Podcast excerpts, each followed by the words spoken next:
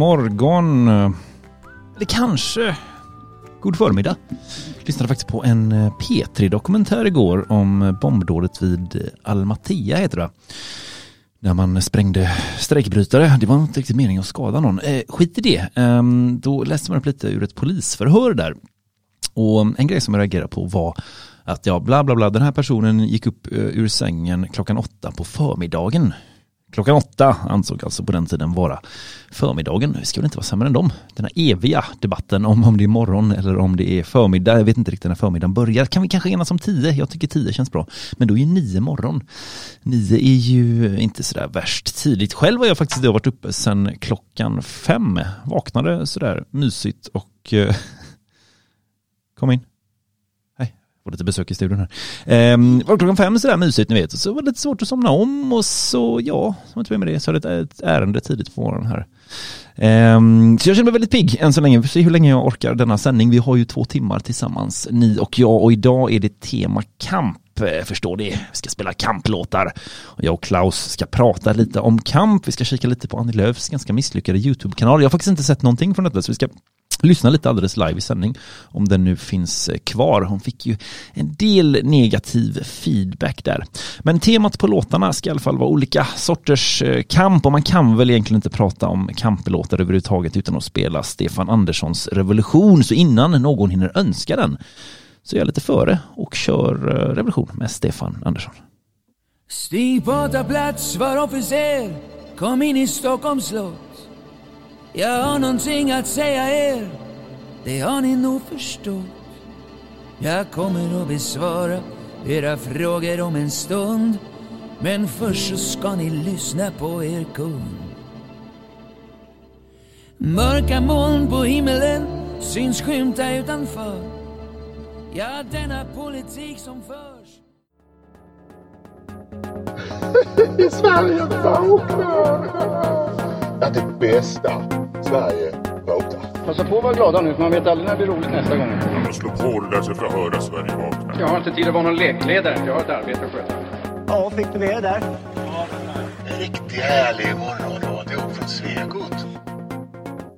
Ja, Stefan Andersson sjunger Revolution för oss. Revolutionen som vi kanske alla Drömmer vi om den eller? Det är kanske lite orealistiskt. Jag har ofta tänkt på det att förr i tiden kunde man ju ändå göra revolution. Man kunde samla upp massa bönder och sen gick man och slog ihjäl kungen bara och sen tog man över. Det var ju lite lättare på den tiden och även om man kanske ibland har funderat på att Stefan Löfven kanske skulle förtjäna någon form av fysiskt straff så skulle inte det göra speciellt mycket nytta. Det är alldeles för modernt nu och jag menar skulle vi på något sätt lyckas samla oss och ta över så hade väl FN kommit och bombat oss. De ville göra det. Eller NATO, eller hur det nu kan tänkas bli. Eh, men kamp, vi ska spela kamp alldeles strax av Tyrfing, önskar av Hans Hägg. Men alltså kamp, har man kämpat? Jag får höra det ganska ofta. Oj vad du kämpar Daniel, tänk vad du har offrat mycket vad du har utsatt dig för. Jag känner verkligen inte så på riktigt, Du ska inte få vara ödmjuk, utan eh, för mig blev det, igen nu låter det som man sitter här och skryter, för mig blev det en självklarhet att kämpa ganska tidigt. För det första var jag inte alls speciellt tidig, jag var ganska sen. Eh, men det har aldrig varit någonting jag har tänkt på. Ska jag verkligen göra detta? Utan jag som så många andra fick ju först den här berättarsjukan, ni vet. Ah, det är ju massa invandring i Sverige. Det kostar ju jättemycket pengar. Det måste vara att folk inte känner till detta. Och de kanske inte heller känner till att invandrare är väldigt överrepresenterade. Jag är inte rasist va, som man ju på den tiden. Jag är inte rasist va, och de som sköter sig, de ska gärna få vara här. Men det här är en väldigt dålig ekonomisk grej för Sverige. Jag måste bara berätta det här för alla människor. Det var ju så jag började podda från första början. Um, sen tog det ett par år. Så insåg man att det har ingenting med fakta att göra detta överhuvudtaget. Uh, det är ju inte det att folk inte vet. Såklart de som, om man säger vaknar upp, gör ju det för att de får reda på, på sanningen då, den stora sanningen. Men um, de flesta är ganska ointresserade faktiskt av att veta vad som händer.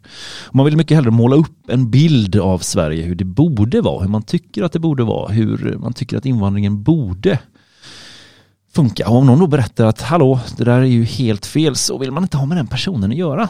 Ni vet, shoot the messenger. Eh, men vad jag skulle komma detta var, det var liksom en ganska naturlig grej för mig att, att göra sånt som man trodde då var väldigt viktigt och nödvändigt. Åka på demonstrationer, och åka på konferenser och lära känna folk och knyta kontakter. Och anordna middagar och träffar och möten och, och eh, ja, men ta mycket telefonsamtal i början tog jag från, det gör jag fortfarande, från personer som, eh, ja där ute i landet som, som mår dåligt liksom. Så, så fin är jag, men jag gör det, ja såklart för att hjälpa dem, men det känns också väldigt bra för man har ju själv varit i den situationen. Men frågan är ju då, mina vänner, om er och min kamp. Eh, är det någon nytta? Är det helt bortkastat allting eller? Och det kan jag säga så är det absolut inte. Man vänjer sig vid den tiden man lever i, man vänjer sig vid den situationen man är i och även om mycket såklart ser väldigt, väldigt mörkt ut nu så hade det sett mycket mörkare ut utan personer som just dig som stödjer mig och Svegot och det fria Sverige detfriasverige.se som du såklart går in på nu och blir medlem ifall du inte är det. En helt eh, unik förening som faktiskt inte borde behövas men det är en förening av svenskar för svenskar. Och där kan vi träffas och det är det vi behöver mest av allt faktiskt. Vi behöver träffas. Den stora revolutionen får vi nog vänta lite på men den är helt omöjlig så länge vi inte känner varandra och har kontakt med varandra och våra familjer känner varandra och våra barn kan leka med varandra. Vi kan utbyta tjänster med varandra och ge varandra jobb. Det är en fullständig grundbult i någon form av revolution. Nu blir det Hans Hägg som får önska. Han försökte få in en önskning igår men det hann han inte. För han var lite sen Hans Hägg igår. Han dök inte upp för nio. Jag tänkte, kan man önska låtar? Hans, så kan man inte göra. Men eh, mellan åtta och nio kan man önska mycket låtar man vill och idag är ju låttemat kamp och därför önskar jag Kamp av just Tyrfing. Titeln säger sig själv. Hälsar Hans Hägg.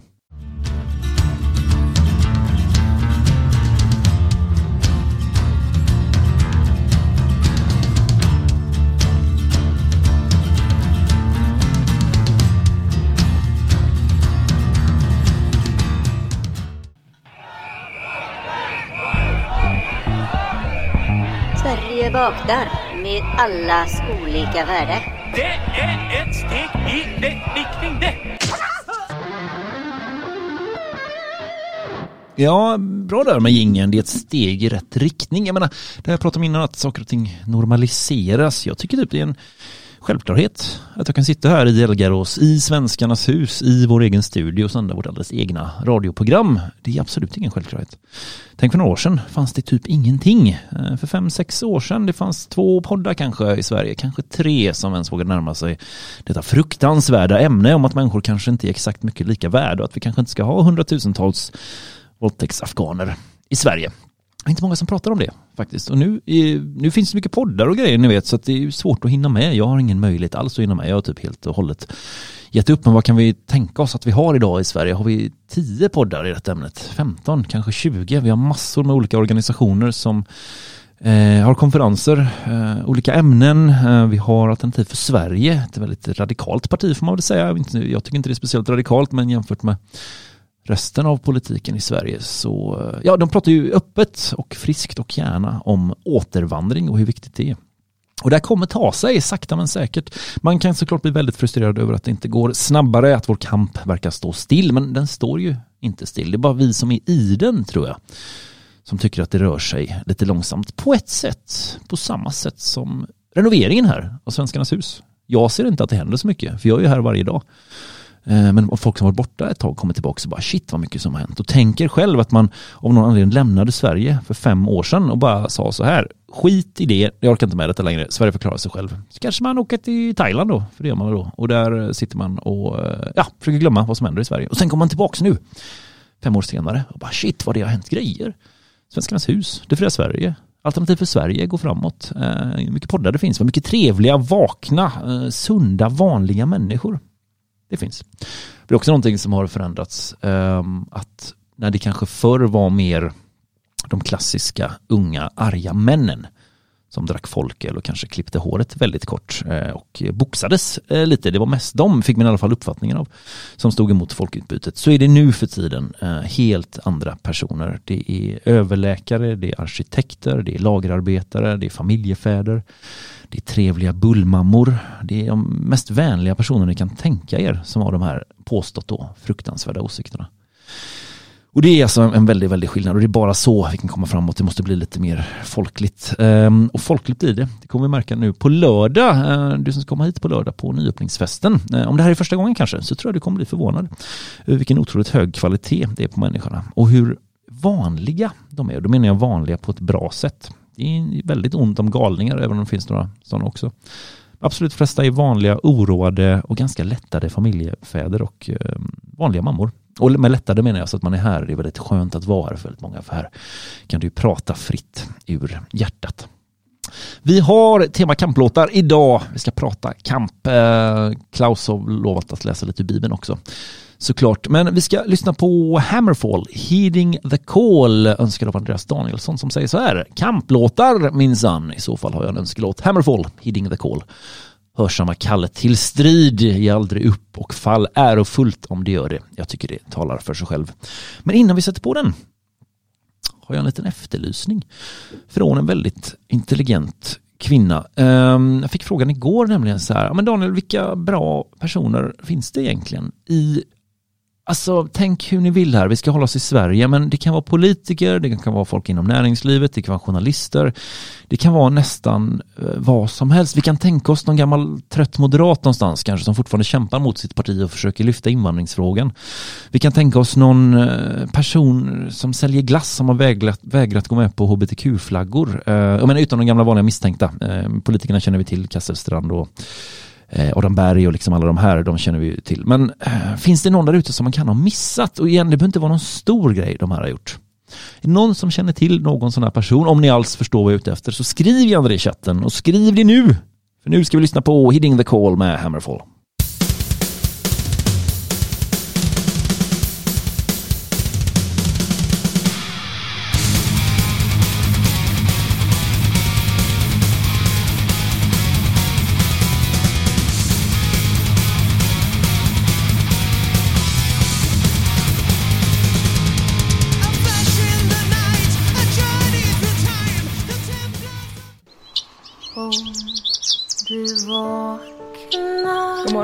Morgon. Hur är läget? God morgon, god morgon, god morgon God morgon, god morgon, Just det. Mm, just det. Sverige vaknar. Ja, alltså, det är så mycket fantastiska önskelåtar idag så jag måste verkligen skärpa mig nu och prata mini, mini, minimalt. Eh, märker att chatten blir glad med över att eh, höra en del ny musik som man inte hört innan och kamplåtar eh, som vi har idag, tema kamp, kampen. Kan vara, måste vara ett F med.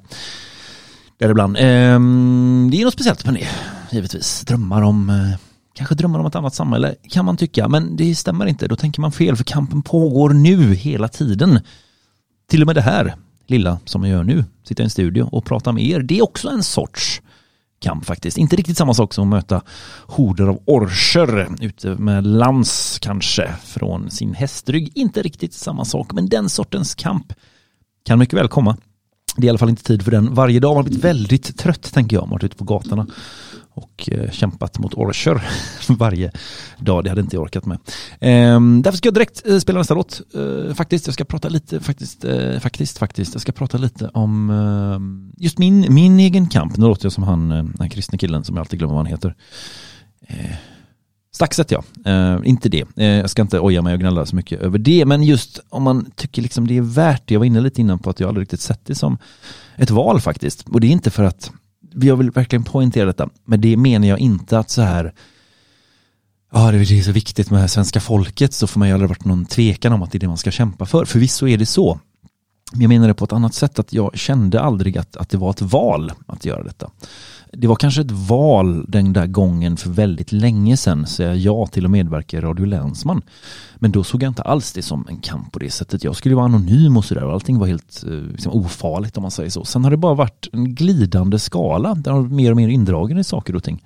Så ingenstans skulle jag kunna backa och tänka, även om jag hade ångrat mig, vilket jag absolut inte gör. Absolut givetvis inte, jag har inte ångrat det här en enda gång. Men det finns inget tillfälle jag skulle backa där jag kunde tänka, ja men där borde jag ha sagt nej.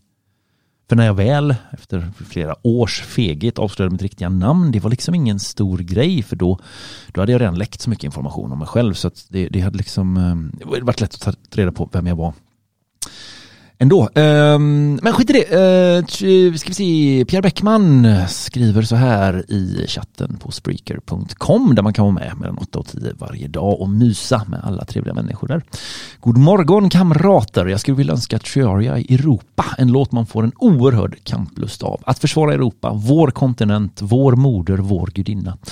Tyvärr finns den bara på Youtube, men höj volymen, spetsa öronen och minns alla som offrat livet mot utländska rövarband som försökt tvinga oss till underkastelse. Europa med Triarii och om inte du har hört det här innan så vill jag nog vill nog hävda att du vill skriva ner det här eh, så du slipper fråga sen vad hette låten för det här kommer du gilla. Triarii med eh, Europa ska vi se? Så, höj volymen, nu kör vi. Men vad, det var värst. Tyst där med den. Okej, så bra. Och så får vi pausa där, ta det från början. Okej, en gång till då. Höj volymen, nu kör vi. Kör med Europa.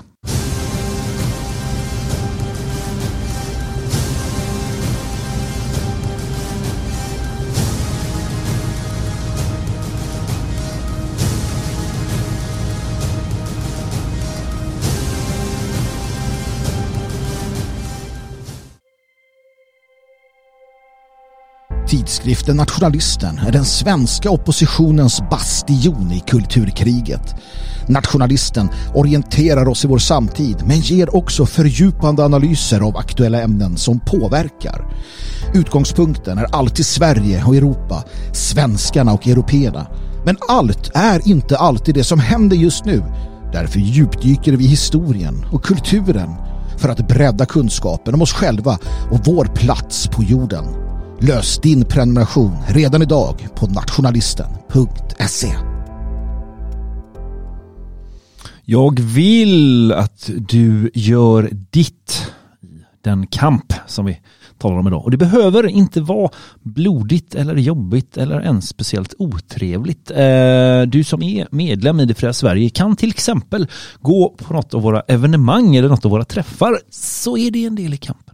För det är gemenskapen som gäller. Folkgemenskapen, att känna att man har många bakom sig. För den som känner sig ensam är väldigt svag, väldigt rädd, lättpåverkad. Man behöver rötter, man behöver vänner, man behöver någonting att hålla sig i ibland.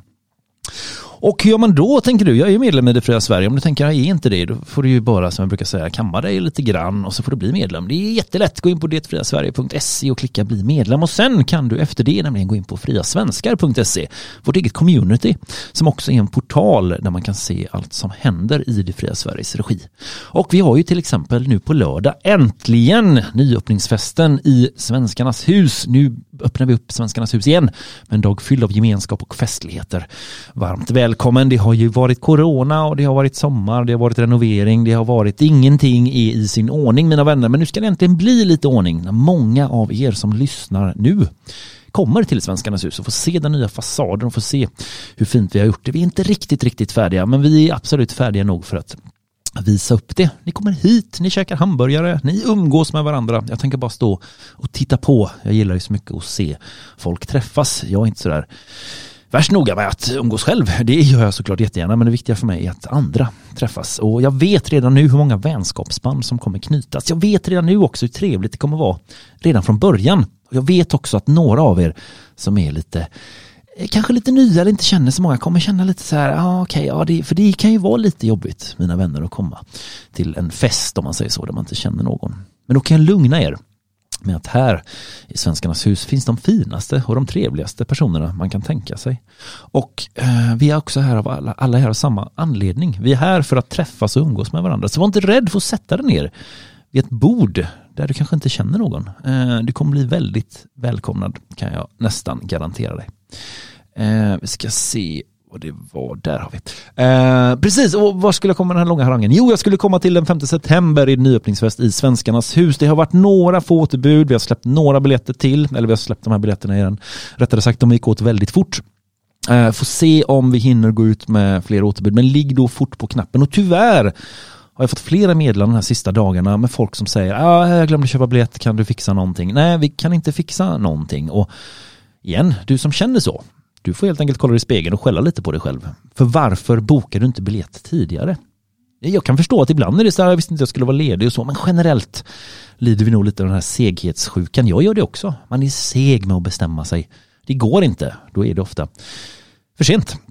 Um, så går det, men många är kallade i alla fall och många kommer komma. Men om man inte kan gå på det då, vad gör man då? Nej men det är väl tråkigt, då får man gråta och uh, må lite dåligt. Och sen kan man eh, den 12 september rycka upp sig igen, för då är det restaurang, restaurangbesök i Västervik. Så utmärkt, det behöver inte vara svårare än så här.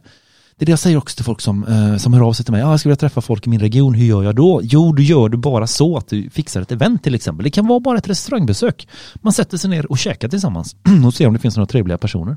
Man kan också, som kommer ske den 13 september, ha en fornborgsvandring i södra Stockholm. 19 september är det lite mer allvar. Vi har ett extra årsmöte. Dyk gärna upp på det. 19 september 12 till 13. Föreningen i Fria Sverige kallar till extra årsmöte med anledning av ett brådskande, en brådskande proposition som rör en stadgeändring. Årsmötet kommer att genomföras digitalt via Zoom, precis som ordinarie årsmöte tidigare i år. 19 september, det vill säga samma dag, är det även restaurangbesök i restaurangbesök i Linköping. Detta och en hel del mer. Gå in på Fria Svenskar, lägg till lite vänner sådär, kanske chatta lite, men framförallt såklart kolla vilka evenemang som finns. Eh, det var mycket önskelåtar idag, mycket bra önskelåtar idag, därför ska jag försöka prata lite mindre. Jag tycker det går sådär än så länge. Arvid, min vän Arvid som väl lyssnar nu har önskat en kamplåt. We didn't start the movement, American Renaissance 2016 och han skriver så här ska vi se vad han skriver, den gode Arvid. Um, Daniel, jag vill höra We Didn't Start The Movement, en utmärkt remake på We Didn't Start The Fire som gjordes av American Renaissance om Trump och amerikanska althögen. Tycker den stärker kampviljan och visar på att vi faktiskt gör bra grejer och att saker förändras. Ditt problem är att den bara finns på BitChute, men det löser du såklart. Ja Arvid, det löser jag alldeles utmärkt. Eh, också en grej som är lite ny i tiden skulle jag nog vilja säga att motståndet sker också mycket nu med humor. Vi är de fräcka, vi är de coola, vi är de välklädda, vi är de som man kan skratta med. Vi är de som kommer med nya memer och nya eh, ja, vad ska man säga, nya inslag i kulturen. Vi är inte bara de här sura gubbarna som sitter och säger det är dåligt med invandring, det var värre för. Det är kul och vara ett motstånd nu för tiden. Till exempel genom att lyssna då på We Didn't Start The Movement. Eh, är det, ska vi se om BitChute vill samarbeta här, jag tror det. Ja, kanske. Står och tuggar här lite grann. Jag lovade ju Arvid att jag skulle lösa detta. Ska jag nu bli satt här i en sån dålig position att jag inte löser detta?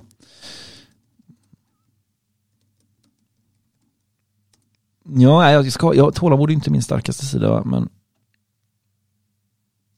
kan finnas på... Ja. Jag se här. Arvid kanske ljuger.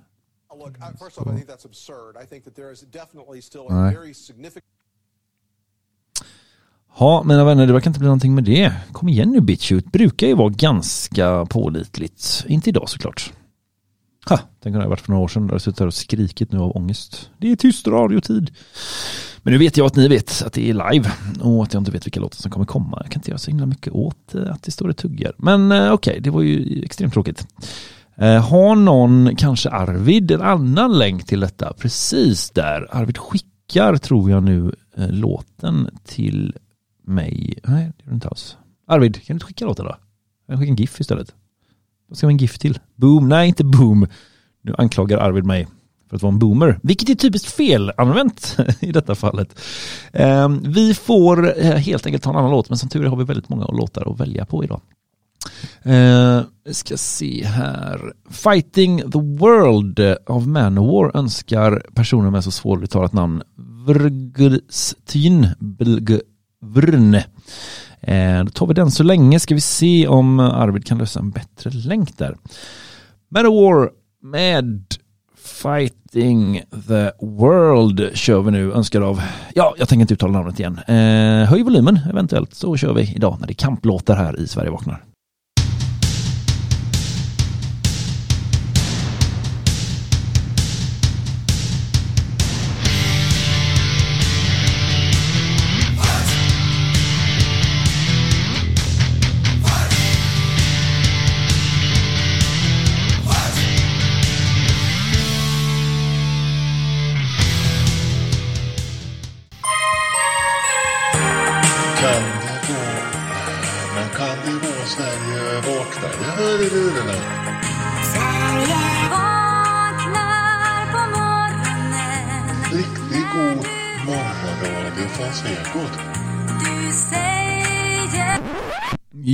Eh, Sverige vaknar 8 till eh, 10 goda nyheter mina vänner. Kommer ni ihåg att jag för kan det några månader sedan, ja, några månader sedan eh, skulle sluta dricka så mycket kaffe?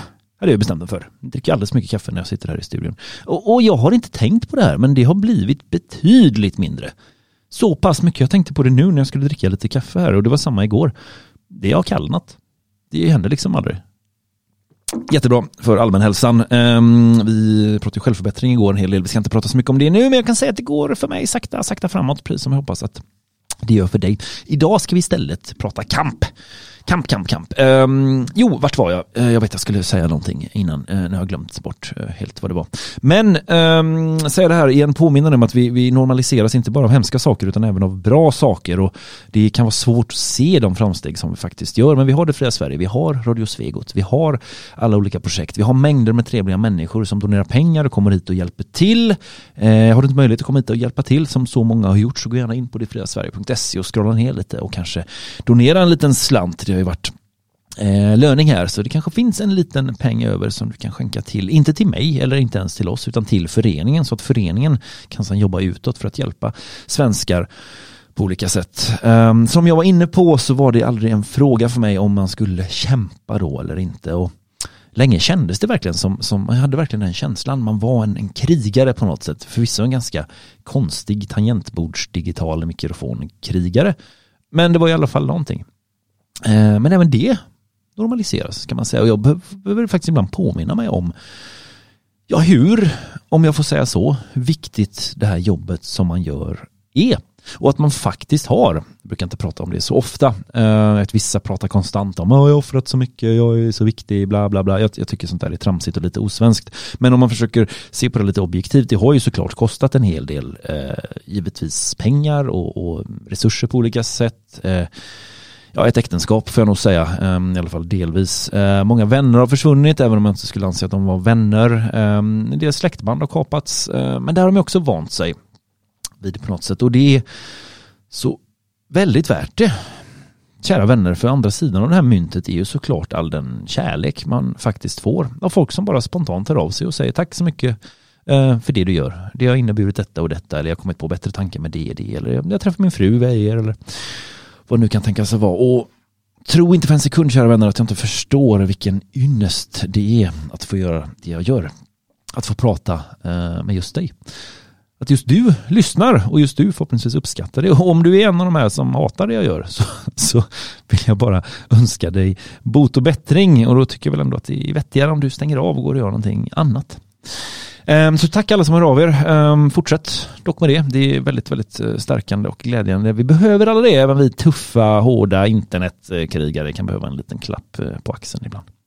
Nu har vi fått ordning på We didn't start the movement. Eh, jag hittade faktiskt den på YouTube till slut. Det var det jag spelade där innan. Men vi ska hoppa över de första 35 sekunderna. Och nu då som sagt Eh, kommer Arvids önskelåt och Arvid skriver ju så här igen.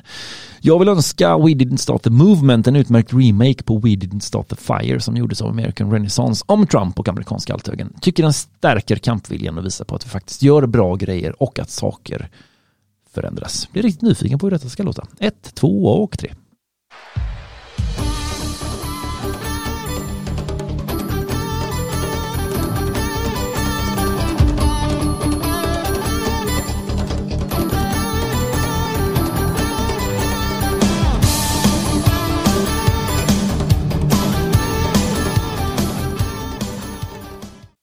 Idag förstår ni, mina vänner, är det en stor dag. En mycket stor dag.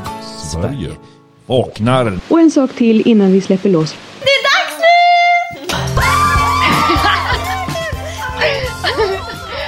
ja, så här roligt har vi det alltså jämt. Sverige vaknar sänds 8 till 10 varje vardag på sverigevaknar.se. Det är nice. Ah, det var en gammal jingel det där. Gäller att vara med. Gäller att vara med. Eh, strax blir det en riktig gammal god eh, kamplåt. Eh, jag ska inte avslöja vilken det är en riktigt. Eh, jag vill eh, påminna er igen om hur man kämpar idag. Jag demonstrerar såklart, dela ut flygblad, sätt upp affischer, prata med grannar, allting sånt där, det är viktigt. Eh, men kom ihåg, det som våra fiender vill att vi ska göra, om vi gör motsatsen till det så är också det en sorts kamp. Det vill säga, Försök, även om det är svårt i dessa mörka, konstiga, falska och ångestframkallande tider, att leva som en rättrådig man eller givetvis kvinna. Håll dina löften, arbeta flitigt, ta hand om din kropp, spara pengar. Försök vara så självförsörjande du kan. Var respektfull, trevlig mot de som förtjänar det. Ta hand om din kvinna. Har du ingen kvinna, gör ditt bästa för att hitta en riktigt bra kvinna. Fall inte ner i dekadensen, i alkoholen, i porren, i one night stands, i allting sånt här som urholkar din själ. Vänd dig om det behövs till något högre. Vad du nu själv menar att det är. Kanske meditera, försök stressa ner, försök att må bra. För det går att må bra även i dessa tider. För den som mår bra och är harmonisk lever bättre, är bättre mot andra, skapar ringar på vattnet, blir mer sugen på att hjälpa andra.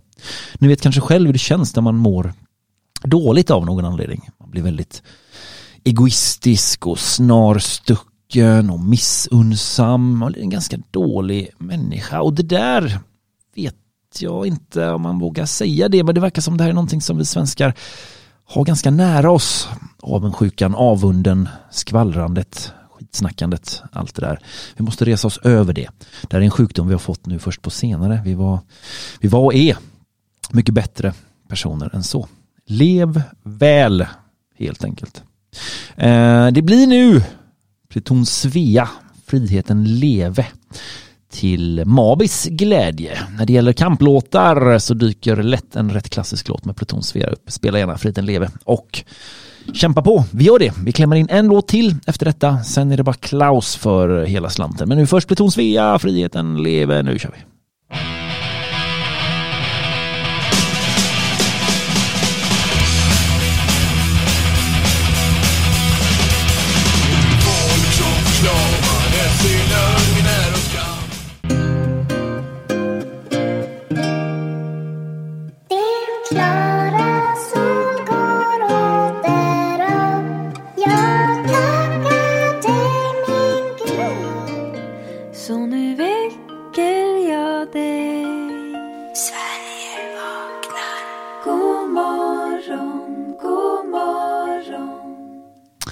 Skaffa... Ehm, ja, ja, just det. Hallå, det är Sverige vaknar här. Precis. Daniel Peter Göran Frändelöv heter jag och vi kör 8 till 10. Första timmen ganska mycket musik och mest jag som sitter där. Andra timmen har vi med oss en gäst och idag är det Klaus Bernpaintner som vi eh, väntar in som dyker upp eh, alldeles strax. Strax får vi hoppas.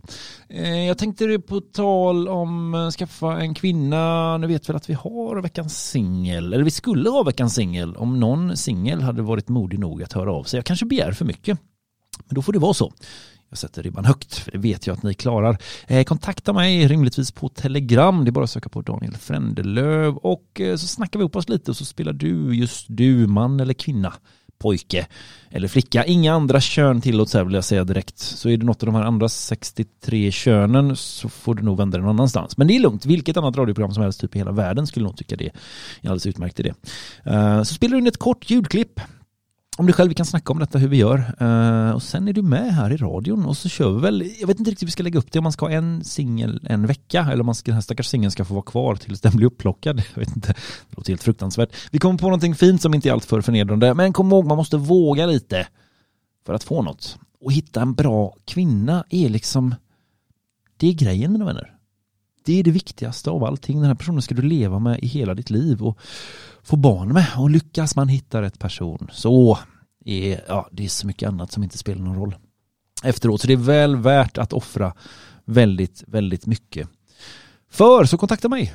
Daniel Peter Göran Frändelöv eller sök bara på Daniel Frändelöv på Telegram och igen det finns en kanal och det finns en person. Vissa går in på den här kanalen och försöker skriva till mig där, det går inte utan det är bättre att skriva till personen för den personen är jag. Eh, vi väntar som sagt på Klaus Bernpaintner som kommer dyka upp alldeles strax. Nej, han har redan kommit ser jag. Eh, vad bra, då ska vi prata om han efter eh, låten här och det är eh, min vän Patrik Larsson som vi ska prata med i eh, morgon som önskar, eh, ska vi se vad heter den? Ja, Kung Karl heter den helt enkelt. Om Karl XII och kanske mest kände krigarkonung. Han sjungs om strid och kamp på ett glatt och lättsamt sätt. De flesta känner nog mest igen Thules version, men här är det en stilig manskör som sjunger för full hals, hälsar Patrik Larsson. Kung Karl den unga hjälten Han stod i röd, han stod i röd och damm Han drog sitt svärd från bälten och bröt i striden fram. Ur svenska stålet biter, kom låt oss pröva.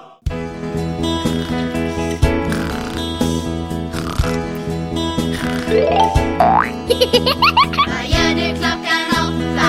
Lyssnar på Sverige vaknar såklart. Uh, kan vi se, eh, ja du, eh, nu var det massa meddelanden här. Du, du ignorerar vi det tycker jag. Man ska inte hålla på och läsa meddelanden när man har en vän i närheten. Och det har jag, kan man ju säga här nu när Klaus Bernpaintner ytterligare en gång är med oss. God förmiddag min vän. Ja men god, god förmiddag, god dag. Nu vill jag Klaus att du berättar för mig hur du mår. Nej, jag mår så bra så. Visst låter det som att du skulle må jättedåligt. Hur mår du egentligen Klaus? Bra det, för idag ska vi bara försöka vara alldeles... eh, Fråga om jag slutar slå min fru också eller? Ja, precis, precis. Har du gjort det? Det får man inte, får man inte sluta slå din fru, det vore helt fruktansvärt. Eh, du, min vän, vi har ju massa faktiskt för en gångs skull uppraddat här idag. Eh, ska vi börja med Annie Lööf då? Ja du, just det. Nej, men jag tänkte vi kan väl prata om eh, trevliga saker idag. Mm. Precis. Det är ju så att eh, alltså, en viktig del i kriget är ju den psykologiska aspekten. Ja. Och eh, menar, en, en styrka som är demoraliserad är ju chanslös. Den har ju gett upp redan innan det har börjat ens. Ja. Så det är naturligtvis en, en viktig aspekt av fiendens taktik, mm. demoralisera. Mm. Och eh, då ingår det naturligtvis att inte låta sig dras ned av det och sprida det vidare utan att eh, det finns ju alltid hopp. Så länge det finns liv finns det hopp, säger vi på svenska. Ja, um, jag kan säga att jag själv har varit, jag är inte så delaktig i detta, men alltså privat kan jag vara lite mer kanske, jag skulle inte säga svartpillrande, men jag tycker vissa kan ha en väldigt orealistisk bild av hur saker och ting ska lösas. Uh, typ, vi, du vet, vi röstar på SD så blir allting bra imorgon. Um, och när man då försöker komma in med lite så här, ah, det är lite större problem än så, så kan man få höra liksom, gud vad du är negativ. Men det är ju såklart en oerhörd skillnad på att vara objektiv och negativ, eller realist då som det heter. Mm. Precis. Eh, Men eh, ja, jag hade en jättebra tanke här som Som jag avbröt, förlåt. undslapp mig. Eh, nej, men man, man kan ju se det på två sätt. Det ena sättet är att man sprider dåliga nyheter för att göra folk förbannade. Mm. Och eh, det andra sättet är att sprida goda nyheter för att ge folk hopp. Just det. Och jag tror att det är väldigt lätt att falla ner i det här med, ja kolla här, nu har de gjort det här, nu har de pajat det där, nu kommer in hundratusen nya araber eh, och så vidare. Va? Eh, ja, folk blir förbannade, men de blir också demoraliserade. Såklart. Så man måste, man måste balansera det här med eh, goda nyheter. Mm. Och det är väl sådana vi kan fokusera på idag. Jag pratade lite innan här nämligen i första timmen om att vi kanske har blivit lite vana vid allt bra som faktiskt sker. Till exempel att du och jag sitter här och pratar. Eh, och att Mises finns liksom. Att, att du skriver det du gör på Facebook. Att vi har dig på vår sida. Och många som dig. Eh, och det här tror jag man i början är så ah, gud vad bra. Och sen så vänjer som man säger vid det så vill man ha mer och mer och mer hela tiden. Så vi, jag tror att vi lever alltså i betydligt bättre tider än vad man kanske inser. Men du pratar om Annie Lööf. Ja, precis. Men det är väl en god eh, nyhet. Jag har faktiskt inte... Kul att lyssna på det. Eh, Centerpartiet här, Annie Lööf startar YouTube-kanal. Eh, det är alltså... Det, det är nästan som man inte tror det är sant när jag säger att det är förvisso 297 tummar upp. Men det är Ja. 10 000. Alltså, 10 000. det här med sociala medier? Det, det, är, det är minerad mark naturligtvis. Här måste man ju förstå vad man ger sig in på. Jo men vi snackar ju i snitt är det ju 100% liksom dåliga, alltså tummar ner, inte riktigt 100% men eh, något ditåt. Har du hört klippet? Ja det är klart du gjort kanske. Ja, jag, hörde några minuter, det kan vara roligt att lyssna på.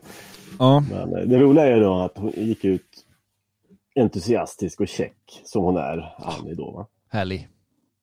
Härlig och kommer ut och berättar om sin, jag vet inte om det var pojke eller flicka hon födde här, men för tidigt född. Och, det här är också intressant för övrigt att eh, antalet för tidigt födda barn har ju minskat drastiskt under coroneriet. Alltså har du gjort det? Ja, Jaha. och antagligen för att föräldrar inte är lika stressade längre. Mm. Livspusslet, som du vet. Kan det vara så? Och eh, ja, det, det kan vara det. Jag vet inte, det är alltid svårt att säga vad som är den ultimata orsaken till saker och ting. Men det, det är ju en rimlig teori. Jag kan inte tänka mig att det är coronaviruset som har gjort att barnen föds friskare i alla fall. Nej, nej precis. Eh, eh, bara, förlåt, bara hänga kvar lite. Det, det är ju så fruktansvärt om det nu är så. Att kvinnor är så stressade bara av att leva som moderna kvinnor att barnen föds för tidigt. Ja, det verkar ju vara så. Ja, ja förlåt jag bröt dig. I alla fall då föds då hennes barn här, jag vet inte hur många veckor eller månader för tidigt. Och eh, genast ger hon sig ut i sociala medier och ska Mm. trumpeta ut om det här, hur duktig hon är och eh, ja, hela det här. Så det är lite lustigt i alla fall. Men det gick ju inte som hon hade tänkt sig helt enkelt. Nej, nej, jag, antar att kommentarerna är avstängda. Också. Men också det är lite, lite, eh, det är väldigt typisk grej i tiden, men att hon beter sig som en kändis och inte alls som en politiker. Hon, hon ska väl vara politiker. Vi behöver väl skita ganska mycket i hur det är med hennes barn egentligen, utan vad är det för, alltså, hur ska du dra, vad tycker du om saker och ting? Hur ska vi göra med Alltså, skatten? när, man, när man säger beter sig som politiker så är det ju, ja, det beter sig ju politiker som politiker, men kanske menar som en statsman eller Precis. statskvinna eller någonting sånt. Ja, statskvinna. Statsmannamässigt på något sätt. Och, Ja, jag vet inte om det finns någon sak som statskvinna om jag ska vara helt ärlig. Men, men precis, slätstruken, kammad, privatlivet lämnar man därhän. Eh, det är inte upp till oss att veta hur det ser ut i hennes kök som man ser här, utan vi vill bara veta hur, hur ja som sagt, hur de ska lägga, lägga upp framtiden för oss alla och våra barn på det bästa möjliga sättet. Mm. Ska vi lyssna då? Det är 35 sekunder långt. Vi kanske står ut med det. Se om man, vi ska se om vi klickar tumme upp eller tumme ner här. Håll i er här nu. Annie Lööf startar YouTube-kanal och välkomna till min nya Youtube-kanal. Som ni kanske har förstått så har jag varit borta ganska länge från politiken. Min dotter Saga hon föddes tre månader för tidigt.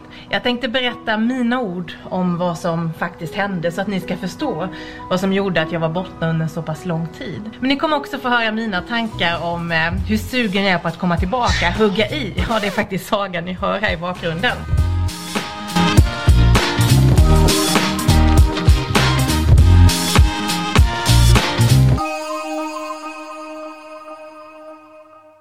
Mm, Hej så, och nej, väl- Okej, tack. Det räckte jättebra med en gång där.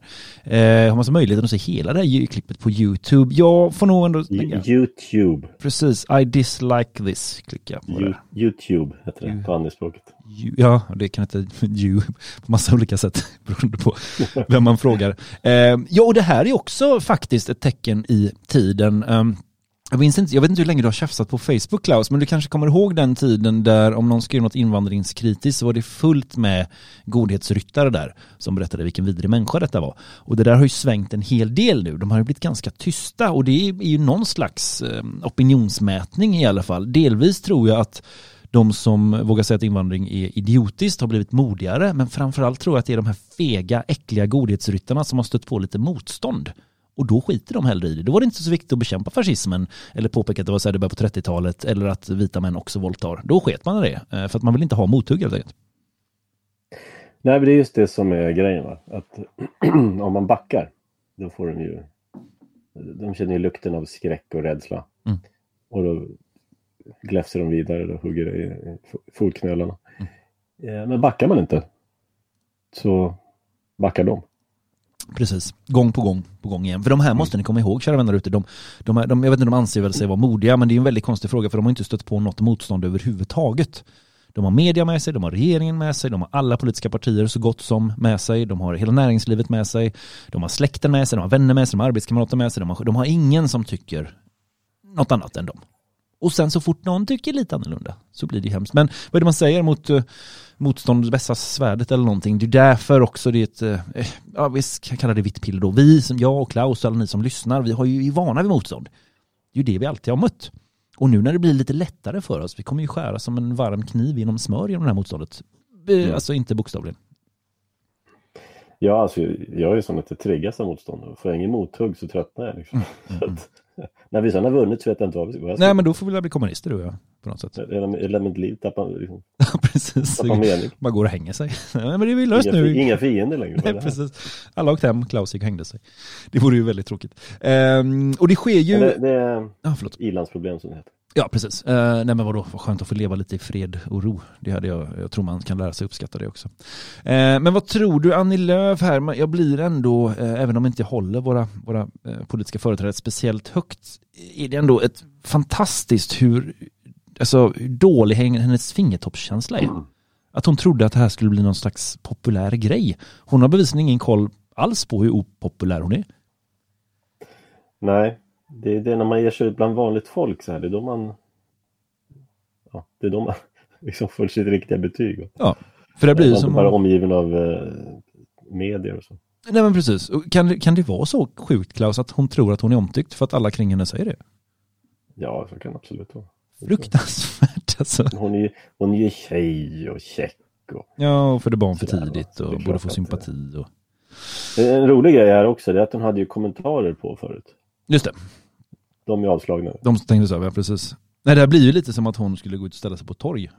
För första gången på jättelänge. Kommer ner från sin fästning liksom, eller slottet där hon har bott jättelänge. Där alla har sagt åh alla älskar dig, folket älskar dig. Ja men jag vill ut och kolla. Nej nej säger de, gör inte det. Går inte ut. Jo men jag vill ut och kolla lite. Och där fick hon 8000 liksom, ruttna tomater i ansiktet istället. 10 000. 10 000, precis. Äh, och det är ju såklart väldigt nyttigt. Och man undrar om hon tog lärdom om detta. Jag skulle väl gissa då att hennes ja-sägare säger bara att nej men det här är en, vad kan det vara, en rysk trollfabrik? Kan det vara kanske? Mm. Det kan vara högerextrema Är som det här bakom. 300 upp och t- 10 000 ner, vad blir det? Det blir ju liksom 3 procent. va? ja, det verkar stämma. Framförallt 97 procent. Vilket ju nästan är 100 procent. Jag menar, det är ju det är under 4 procent spärren om man Mm. tänker på det sättet. Mm, mm.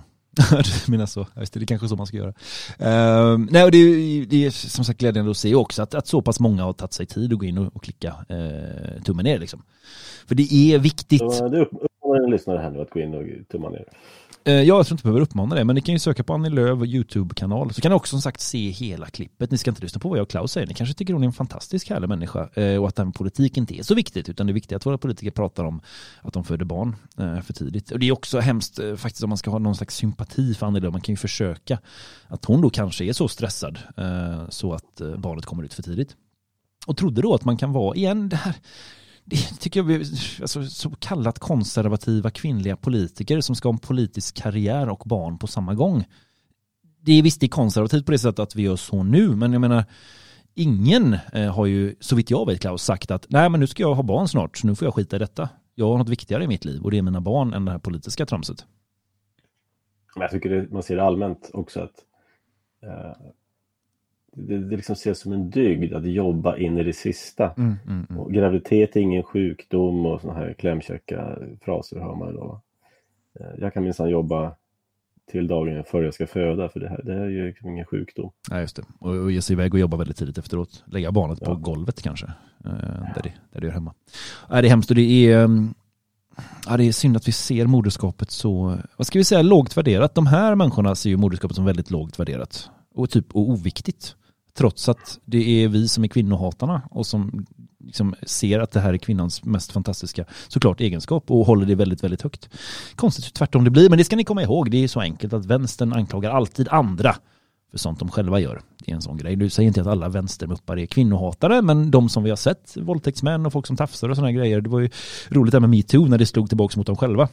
Att många inblandade i metoo som gapade högst var själva sådana här as. Och så har vi ju den klassiska eh, kapten Klänning som han kallades, en polis som var väldigt känd för att åka runt till skolor och hålla föredrag och, och mm, på olika konferenser och, och mm, ja, allting möjligt sånt där och berätta hur vidrigt det var i Syndia om kvinnor och han själv åkte ju sen dit för att ha spänt fast och våldtagit eh, en ung flicka. Precis. Eh, Nej, jag går aldrig med i sådana här drev. Aldrig. Nej, det är Det är som någon säger, om du har medierna på din sida så tillhör du inte revolutionen. Nej, precis. Man kan, man kan nästan liksom, fiendens fiende man ska vara lite försiktig med det, det är inte alltid att det är ens vän, men, men alltså som du säger, om media, SVT tycker en sak så kan man nästan alltid tänka att det faktiskt är tvärtom. Mm. Eh, du, vi det är har som en... eh, Mark Twain, får jag bara citera honom innan du gör vad du nu ska göra. ja, sa så här, att om du läser tidningarna så är du... Eller alltså så här, om du inte läser tidningarna så är du oinformerad. Och läser du tidningarna så är du felinformerad. Just det. Precis det. Eh, och som tur är också en sak som är ny. Vi har en flora av alternativ media att välja på i Sverige. Sverige är ju, skulle jag vilja påstå, världsbäst på detta. Så vi är inte, vi är inte dåliga på allting. Eh, du Klaus, du har eh, fått en fråga som jag skickat till dig till Telegram och sen skickade jag en egen liten fråga till dig där. Vi ska spela upp en önskelåt här när det är kamptema. Vad är det du ska lyssna på Klaus? Eh, jag vill höra under blågul fana.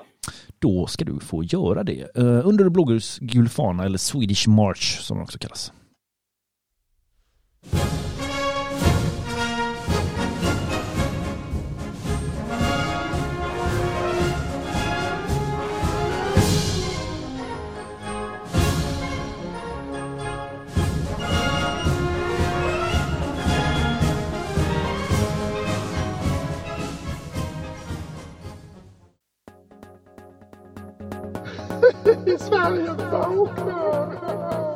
Ja, det bästa Sverige pratar. Passa på att vara glada nu för man vet aldrig när det blir roligt nästa gång. Man måste slå på det där så för att höra Sverige vakna. Jag har inte tid att vara någon lekledare. Jag har ett arbete att sköta. Ja, fick du med det där? En riktigt härlig morgonradio från Svegot. Danne och Klasse pratar om eh, positiva saker, om det man kallar vita piller här i Sverige vaknar. Har, du- haft något smeknamn Klaus? Myggan. Myggan, okej. Klasse låg sådär i munnen. Ehm, du, du har fått en fråga ehm, som jag helt enkelt tar och läser upp. Den här ska vi nog kunna vända till något positivt. Eh, Albin frågar, hej Daniel, jag vet att det inte ska vara så mycket politik i radion här på morgonen. Eh, det kan det absolut vara vill jag bara säga. Jag, men jag är otroligt nyfiken på om Klaus tror att återvandringen kommer att ske. På andra håll trycker man T för tvek och uppmanar till att ta klarsynthetspillret och börja tänka i banor om femte politiska teorin. Hälsa Klaus att jag har njutit i fulla drag av intervjun med han Christer. Må så gott med vänliga hälsningar Albin. Ja, Klaus, blir det någon återvandring eller? Självklart. Självklart. Varför det? Eller hur då? Därför att eh, vi inte ger upp så lätt. Det är klart, om folk har bestämt sig för att det inte blir något och för att eh, man ska anpassa sig eller emigrera eller vad det nu är så, ja, då blir det inget. Nej. Men de politiska vindarna eh, är på väg att vända och även om eh, en stor återvandring kanske känns fjärran nu så får man ha lite tålamod och is i magen och allt sånt där möjligt. Det kan dröja 5, 10, 15, 20 år kanske och under tiden blir det såklart väldigt tufft. Men eh, det är så här, kära vänner, jag menar utan återvandring så då försvinner ju Sverige och det tror jag ändå folk inte riktigt kommer acceptera. Nej, jag tror inte. Vi har någonting i oss Enda här uppe i norr. Precis, enda faran jag faktiskt ser i detta, eh, som på ett sätt är betydligt värre än, än horderna med muslimer, är ju de här, vad ska vi kalla dem Klaus, de här alt-light eller vad man ska säga, som är väldigt inne på integration och sådana saker. Nej men det är lugnt, vi ska bara lära de här 100 000 eller 500 000 eller 2 miljoner, hur man nu vill räkna. Vi ska bara lära alla de här utlänningarna, vi ska lära dem svenska, vi ska lära dem dansa runt stången, eller ja, den kan få väl få behålla sin kultur kanske. Men de måste lära sig svenska och de måste arbeta och de måste betala skatter. De får inte göra brott. Och på ett sätt, kära vänner, hade det varit betydligt värre. Va? Hur menar du nu, Daniel? Jo, jag menar så här. Men om vi säger att vi gör tankeexperiment, Klaus. Alla invandrare som kommer hit tillför faktiskt någonting. De är bra för Sverige. De jobbar, de jobbar hårdare än svenskar kanske. De är bättre, de är flitigare och sådär. Och de föder ju som det är nu också fler barn. Om vi låter detta pågå, hur många svenskar blir det kvar till slut då, Klaus? Ja, det blir inte många. Det blir exakt noll svenskar kvar till slut. Svenska folkstammen kommer alltså utrotas från jordens yta och jag tror det är det här som en och annan börjar förstå nu. Jag förstår helt tanken om att ja men folk kan väl få komma hit om de sköter sig. Jag håller inte med om det men jag kan ändå förstå att man tänker så. Men det handlar alltså om att vårt blod, alltså vårt, ja, den svenska rasen om man vill säga så, försvinner för evigt från jordens yta. Det går inte att backa detta. Är den väl borta en gång så kommer den alltid försvinna. Och det här kanske låter väldigt, väldigt mörkt men det här är också en sak som börjar lyftas mer och mer i den politiska debatten. Man pratar såklart inte om ras. Men det finns en och annan ganska modig politiker som ändå vågat peka på att vänta här nu, det finns faktiskt någonting som är svenskt och det finns faktiskt någonting som är svenskar och de är värda att bevara. Och jag tror ändå Klaus att precis som en hund som blir inträngd i ett hörn så kommer svensken hugga tillbaks till slut. Men vi kan nog få vänta ett tag. Jag tycker ändå, nu, nu är inte jag demokrat, eh, men eh, och Alternativ för Sverige har ju naturligtvis sina svagheter också. Men jag tycker ändå att där har vi också någonting att hoppas på faktiskt. Mm. Eh, och eh, det, är inte, det är inte perfekt. Jag är som sagt, för min del så är inte demokrati eller rösta hit och dit lösningen. Eh, det är många saker som måste göras, men man kan ju även använda det demokratiska vapnet bland alla andra saker. Mm. Det är liksom inte alena frälsande på något sätt. Men jag tycker det var ganska intressant det som eh, Gustav Kastelstrand och FS kom ut med igår. De kom ut med en, en debattartikel, eller vad man ska kalla det, som heter Sverige har problem, vi har lösningar. Mm. Och eh, här har man ju då, alltså, man talar ju ändå klarspråk här, man talar om systembelastande invandrare, att det är det som är problemet. Man kallar en spade för en spade. Precis. Ja. Och eh, så skriver man 2018 presenterade vi en plan för hur en halv miljon kan återvandras redan inom sex år. Mm. Det totala återvandringsbehovet är större, kanske uppemot en miljon. Mm. Um, jag skulle vilja säga att det kanske är ännu större än så. Men mm. man säger också att man har egentligen ingen gräns. Vi sätter inget tak för hur stor återvandringen ska vara. Nej, precis.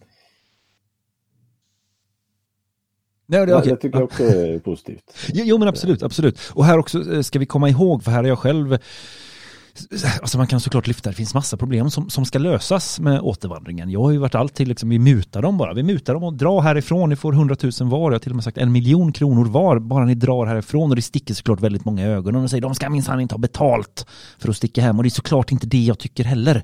Tror ni att jag tycker vi ska belöna kriminella invandrare? Det är klart jag inte tycker det. Men man får göra det som krävs. För de flesta ska vi såklart, särskilt de kriminella, de åker vi bara och fångar, sätter kedjor på och skickar iväg. Men inte tra tramsas som massa flygplan och sådana här 17 000 tillstånd och det ska överklagas hit och dit. Det där får vi helt enkelt stryka. Är du i Sverige och särskilt om du inte ens, alltså om du är illegal invandrare och begår ett brott. Du har redan begått ett brott genom att vara illegal invandrare, inget att snacka om, det är bara att skicka iväg dem. Och få iväg en sån här person vi skickar iväg en enda Mohammed som annars skulle begå brott i Sverige. Redan där finns det, har vi frigjort ganska mycket resurser. För ett brott, jag minns inte exakt siffrorna Klaus, jag vet inte om du gör det, men ett vanligt personrån kostar liksom, om man ska mäta det i pengar, oerhört mycket. Jag har för mig att det var, som pratade uppemot en miljon. För det var lite tandskador då, det var försäkringsärenden, det var rättegång, det var att personen inte kunde gå och jobba och så vidare. och så vidare. Ganska fort där började vi frigöra pengar som vi sen kan använda då till att skicka hem ännu fler.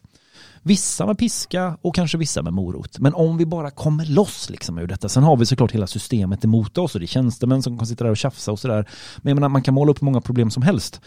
Men ska man då nöja sig och säga nej men då blir det väl ingen återvandring. Då får vi väl gå under då. Eller så löser vi bara alla de här problemen. Hur man nu ska göra det. Om det är att man kanske sparkar alla tjänstemän som uttrycker sig politiskt på något sätt. Eller hur man nu gör.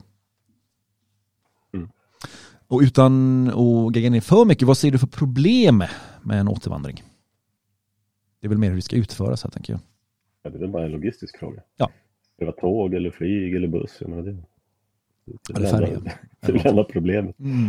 Nej, och... Ska de få Ska de få ostmackor med sig eller skinkmackor? Jag menar det. Ja, ja, det bör väl bli skinkor tror jag om vi skulle fråga våra lyssnare. Uh, nej, också komma ihåg, mycket att komma ihåg ännu, men jag tror att många invandrare i Sverige tror att de är välkomna fortfarande. De tror att de är välkomna, de tror att vi är skyldiga dem någonting. Det visas ju annars i deras totala brist på tacksamhet. Och om man kan kommunicera ut att hallå du, du är så sjukt inte välkommen här. Du har ingen framtid här. Det blir inga jobb för dig. Det blir inga pengar att skicka hem till din familj. Det blir inga mer bidrag. Det blir inga moskéer. Det blir ingenting sånt här skit. Vill du stanna eller vill du köpa en biljett hem? Då tror jag många ändå kommer välja att lämna Sverige för Ja, förhoppningsvis sitt hemland då. Men, men något, något annat land i alla fall. För att Sverige har blivit väldigt kallt. Eh, man blir kanske till och med så där rasistiskt behandlad som man har ylat om hela tiden men nu får man känna det i verkligheten. Så det är um, alltså bara positivt. Och ja, det är klart om man sätter sig ner på detaljnivå och klurar ut hur detta ska gå till. Hur ska folk rösta och sådär. Eh, och jag menar, AFS är fortfarande ganska små. Det kommer att ta, ta ett tag innan de blir stora nog. Uh, men vi vet ju också hur politiska partier har en tendens att förändra sig, Klaus. De är inte så starka i sin ideologi, utan börjar det lukta mer makt om man kanske är emot invandring så kommer de ju hugga direkt på det. Mm. Precis. Men som sagt, det här är inte den eh, enda, den slutgiltiga lösningen i den här frågan. Det är en ett verktyg av många. Mm. Vad har vi mer för verktyg då? Andra verktyg man har det är att folk pratar med, att folk vågar prata om det helt mm. enkelt. Att uh, man inte bara knyter näven i fickan som, som, som många gör. Och, ja, man pratar med folk, jag vet inte hur många jag pratat med på sista tiden och uh, folk får upp ögonen ganska lätt. Alltså mm. den här värdegrundsfernissan är rätt tunn. Man börjar mm. krafsa lite i den så så kan det rasa ganska fort. Mm. Ja, det såg vi väldigt tydligt eh, när du intervjuade den här Mattsson. Uh, hur, ja, finns, vi har pratat om det, ni kan lyssna om ni missade det förra torsdagen gick vi igenom det här ganska noggrant. Men hur, alltså inga svar alls utan bara en förhoppning om att det ska gå bra. Håller tummarna. Hoppas muslimerna inte mördar folk och våldtar nu. Uh, och den förhoppningen blir tyvärr väldigt ofta grusad. Precis. Nej men sen är det ju så att sådana här dåd. Alltså det, det, är inte roligt när folk drabbas men um, ja, det, det, får ju mer uppmärksamhet i medierna mm. hela tiden. Mm. Även i uh, fulmedia. Mm. Så uh, det är också positivt att det faktiskt får lite mer uppmärksamhet. Ja, det lyfts upp. Ja. Ja, nej, och det är givetvis väldigt svårt här att sitta och hitta något positivt i, i, liksom, i eh, de här förnedringsrånen och, och våldtäkten och allting sånt. Men det verkar ju tyvärr som det behövs. Helt enkelt. Och det mörkas ju, mörkas kanske lite, det är svårt att veta Klaus om det mörkas mindre nu än förr eller om det bara har blivit så mycket vanligare nu än förr. Men sådana här förnedringsrån har ju pågått i 20 år och då skrevs det lite om det men inte alls så mycket som det borde givetvis. Med tanke på den stora ökningen skulle det faktiskt till och med kunna vara så att man procentuellt sett visar färre. Ja, jo men det tror jag absolut. Det tror jag absolut. Det pågår något förnedringsrån just nu. Eh, Jag är ganska säker på att det kommer pågå ett till imorgon. Ehm, Men du, vi har ju en del protester med eh, som vi ska prata om. Eh, Anders Borg hade skrivit något intressant på Facebook. Ta och berätta. Eh, Just det, nu ska vi se. Nej, men han pratade om arbetslösheten. Mm. Vad var det? Sverige och så var det typ Albanien och något annat land som Ja, vi har ju alltså en... hade eh, sämre Sverige. Som Anders- vad, vad hade den där. Är det den Anders Borg? Är det med detta? Nej. det är klart Ja, inte. ja. Det, Ser du han, det? som, han som svingade. Är det Pille Snoppmannen? Ja, just det, precis. Jaha, där ser man. Eh, Okej, nu kanske inte det är så han vill Nej, det ihågkommen. inte länken. I alla fall, Nej, men han pratar om hur eh, illa ställt det är på svensk arbetsmarknad. Är Mm. så här 9,5 procent arbetslöshet. Och då, då ska man ju veta att det är rejält tillfriserade siffror. Det är säkert 20. Eh, Precis. Ehm, I alla fall bland ungdomar så är det kanske ännu högre, 30, jag vet inte. Eh, Förlåt om jag avbryter dig bara, men pratar han ens om arbetslöshet eller sysslolöshet? Det är ju Ja, jag oerhört vet stor skillnad. de pratar om längre. Men eh, det här är ju saker som... Tyvärr är det så att Sverige måste gå i konkurs. Mm. Det, det, är, det är absolut nödvändigt. Jag ser inte att det här på något annat sätt kan... Att den politiska viljan kan uppbådas om det inte blir rejält ekonomiskt... Rejäl ekonomisk smärta. Ja, alltså För ett materialistiskt folk förstår bara ekonomisk smärta. Precis. Medelklassen måste få det betydligt sämre. Exakt. För medelklassen har det fortfarande eh, alltså, väldigt bra. Ska vi komma ihåg, det kanske sticker i ögonen på någon, men, men titta er runt omkring. Alltså, det är klart vi ska ha det bra, det är inte det jag menar. Vi förtjänar att ha det mycket, mycket, mycket bättre. Men med tanke på hur det ser ut i Sveriges finanser så, och om man tittar på ja, både medelinkomst, alltså medelbilen, hur den ser ut och hur, hur folk bor generellt så, så har folk det ja, för bra. Vi lever ju i ett luftslott. De här pengarna finns ju inte. Vi, Sverige är väldigt skuldsatt. Sverige är den mest skuldsatta eh, befolkningen i hela Europa, tror jag. Mm. Och eh, ja, arbetslösheten då skriver Anders Borg eh, på 9,4 procent. I hela EU är det bara Italien, Spanien och Grekland som har högre arbetslöshet i, i Sverige enligt statistik då från Eurostat. Och ungdomsarbetslösheten, igen, kom ihåg att det här är friserade siffror, är nästan 30 procent. Då snackar vi i verkligheten kanske upp mot 50 Klaus. Mm. Mm. Och vad de kallade det? Vi hade arbetskraftsöverskott va, eller vad heter det? Eh, arbets... Jag vet inte vad det heter. Nej, ja, men- just det. Arbetskraftsöverskott, ja. Det var ju liksom förutsättningen för ekonomisk tillväxt, Mm, ja, att mm. det fanns arbetskraft. Eh, Men berätta mer om, vi säger då att det kraschar ordentligt på något sätt, det är såklart veta hur, hur det skulle gå till, men det slutar i alla fall med, vad ska vi säga, att medelsvensson får eh, 30-40% lägre inkomst. Ja, Vad händer då tänker vi?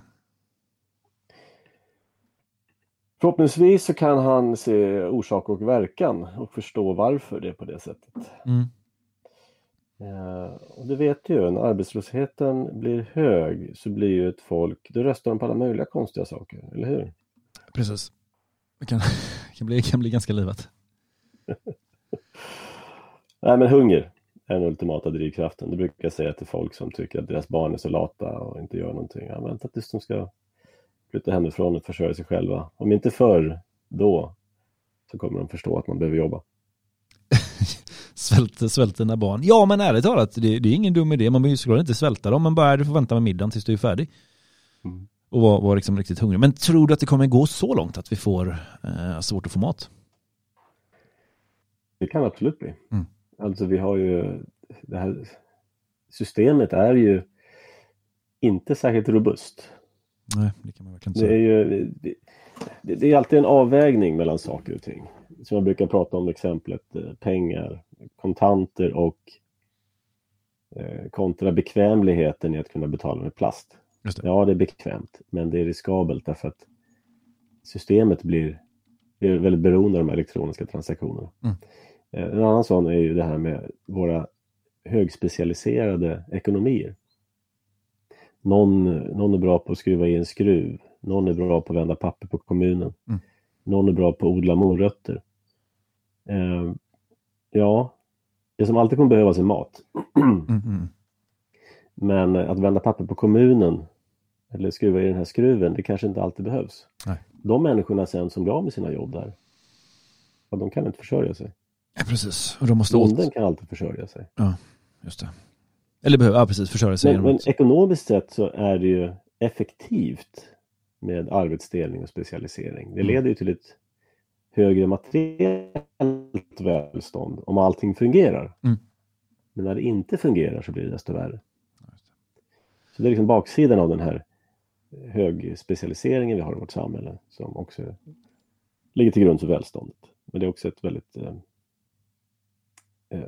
vad ska man säga, känsligt. Ja, och, och särskilt, eh, precis. Och, och jag menar, det kris så blir det lidande. Ja. Och än värre är ju som du nämnde här innan, de här ja, pappersvändarna, eller vad det nu är som alla som jobbar inom, eh, inte alla inom offentlig sektor givetvis, men jag menar, tänk om vi skulle rensa igenom det där lite och bara vänta här nu, vad, ska vi kolla vad skattepengarna går till? Vilka, vilka gör inget jobb? Hur många är det inom regering och, och kommun och sådär som inte gör någonting? Som inte tillför någonting överhuvudtaget? För det vet man ju att det är väldigt svårt att bli sparkad om du har blivit anställd på något sätt statligt. Och där har vi massor med pengar att plocka givetvis. Och är du väldigt duktig på att skruva en skruv, ja då, har du, då tillför, ökar du i alla fall ett värde någonstans. Om du vänder papper, då dränerar du ju värde istället. Så De de får behöver- jag ändå pengar som kan äta. Men om inte det pappersvändarjobbet finns kvar, ja, då Ja, precis precis, precis. Ehm, och det vet jag, man behöver inte vända sig längre än, än eh, ja, faktiskt till Grekland. Där det är vanligt att greker, man odlar sin egen mat hemma. För att mat är en utgift som man gärna vill dra ner på. Och eh, skulle tro att det är oerhört få, nu börjar det bli lite bättre att man odlar sin egen potatis och sådär. Men jag tror fortfarande det känns ganska, ganska främmande. Och eh, det, kanske, det är kanske lite mer realistiskt Klaus, istället för att maten tar kanske inte slut i affärerna. Men mat blir en så pass stor utgift att du behöver dra ner på det. Du behöver spara 10 kronor här plötsligt. 100, kron, eh, 100 lappar. Och kan du då ha egen potatis till exempel och egna morötter och egna tomater så är det ju en ganska stor, eh, ja, man, man kan tjäna ganska mycket pengar och äta nyttigare mat också. Och vi är ju som ni vet väldigt bortskämda och vi är fredsskadade, jag har hört det här massa gånger och tyvärr är det jag önskar, jag önskar jag kunde säga emot det här Klaus och säga nej det ska inte behöva gå så illa innan svensken fattar men jag har väldigt svårt att se att det funkar på något annat sätt för Sverige ser ju ut som det gör nu och inte tillräckligt många verkar bry sig. Man verkar tycka det är okej. Eller någonting man är värd att acceptera, det här tortyrrånet och våldtäkten som var nu till exempel, de här två unga pojkarna. Där borde det ju vara i ett sunt land typ upplopp, fredligt kanske då, men man borde ju omringa hela regeringens byggnad liksom och bara kräva hur kan detta ha skett? Vem är ansvarig? Vem ska vi, vem ska vi sparka för detta? Men inget sånt har sagts överhuvudtaget. Nej, Jag vet inte. Det... Eh, Men jag, ja. Jag tror ändå att rätt många har fått upp eh, ögonen för det där på kyrkogården. Där. Så det, Jo, men frågan är ju bara hur det förklaras. Som någon, vem det nu var som var ute, om det var någon polis ute vevade media, att de här, ursäkta språket, jävla asen, att de också är offer på något sätt.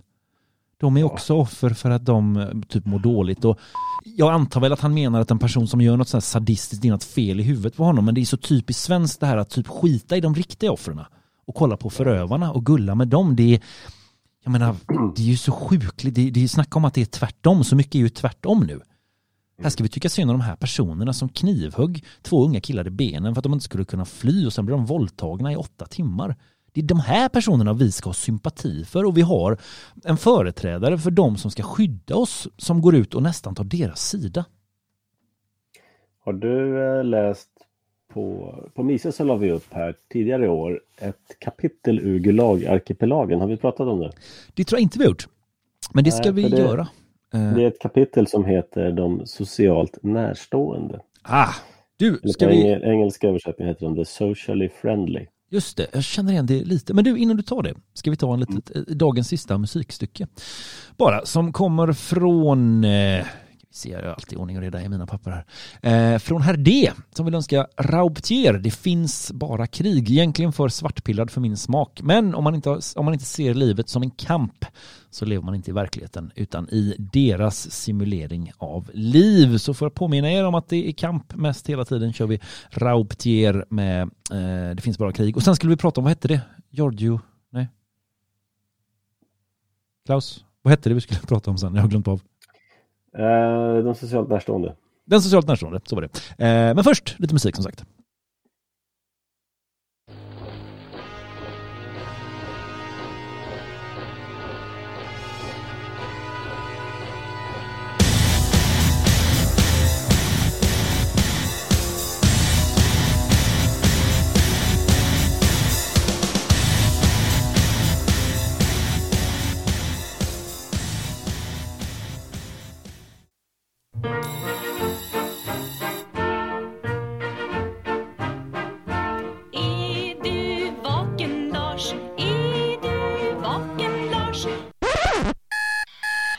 Alltså, är du vaken eller? Jag är vaken för att jag lyssnar på Sverige vaknar. Sverige vaknar varje vardag 8 till 11.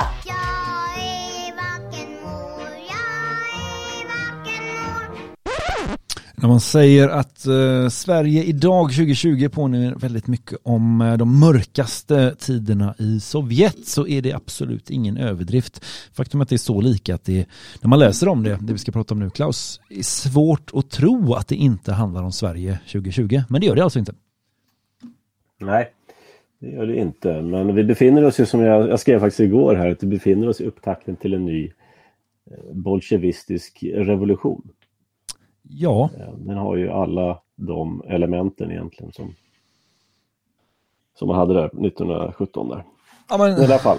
Typ identiskt. Eh, jag vet inte om man ska, ska du läsa inledningen kanske på texten? Ja, det tycker jag. Just det. Eh, Jag kan läsa inledningen då, som, den har vi skrivit själva, men sen så är det bara det här kapitlet. Mm. Rakt av. I följande kapitel av Gulagarkipelagen beskriver Alexander Solzhenitsyn hur Stalin och Sovjetstaten använde grovt yrkeskriminella för att terrorisera befolkningen. De laglydiga avväpnades, fråntogs i det närmaste rätten till självförsvar och uppmanades i gengäld att inte vara ute sent, bära dyra klockor eller pengar. Officiellt hade det mesta av brottsligheten avskaffats i Sovjetstaten och tryggheten var oöverträffad. Brott som trots detta drabbade civilbefolkningen avskrevs ofta av rättsväsendet. Den kvarvarande kriminaliteten berodde enligt citat, den enda sanna läran på samhällsklyftor och socioekonomiska faktorer. Det gällde dock inte klassfiendernas brott mot staten, alltså vanliga människor, som straffades skoningslöst. Medierna informerade dagligen om den starka ekonomin, men det var sparsamt med rapportering om brott, signalement och domar. Ja. Just det här att man gick ut och, och sa var inte ute sent och ha inte på er några dyra saker. Det, det läs, kan vi ju läsa i tidningen, ja, i, i alla fall i somras, jag vet inte om det fortfarande Ja, precis. står det. Och det här är ett sätt att behålla makten då helt enkelt Klaus, eller varför gör de så här mot oss? Alltså det man gjorde var ju på den tiden, man eh, man ansåg att alltså den stora fienden, klassfienden, det var ju den, borg, ja, den vanliga borgerligheten, folk som jobbade och ingenjörer och lärare och läkare och vanligt folk. Mm. De var ju inte revolutionärt sinnade. Just Så det var ju klassfienden. Just det. Eh, De kriminella däremot, de var ju ja, de hade haft lite otur i livet och Ja. var egentligen liksom goda revolutionärer. Kanske offer bara? Ja, de var offer. Ja, ja, det är klart. De behövde utbildning eh, och sådär. Och eh, man släppte ut dem på gatorna helt enkelt. Det hade tagit årtionden att samla in det här packet och låsa in det. Mm. Och sen under revolutionen, och så, efter revolutionen så släppte man ut det här.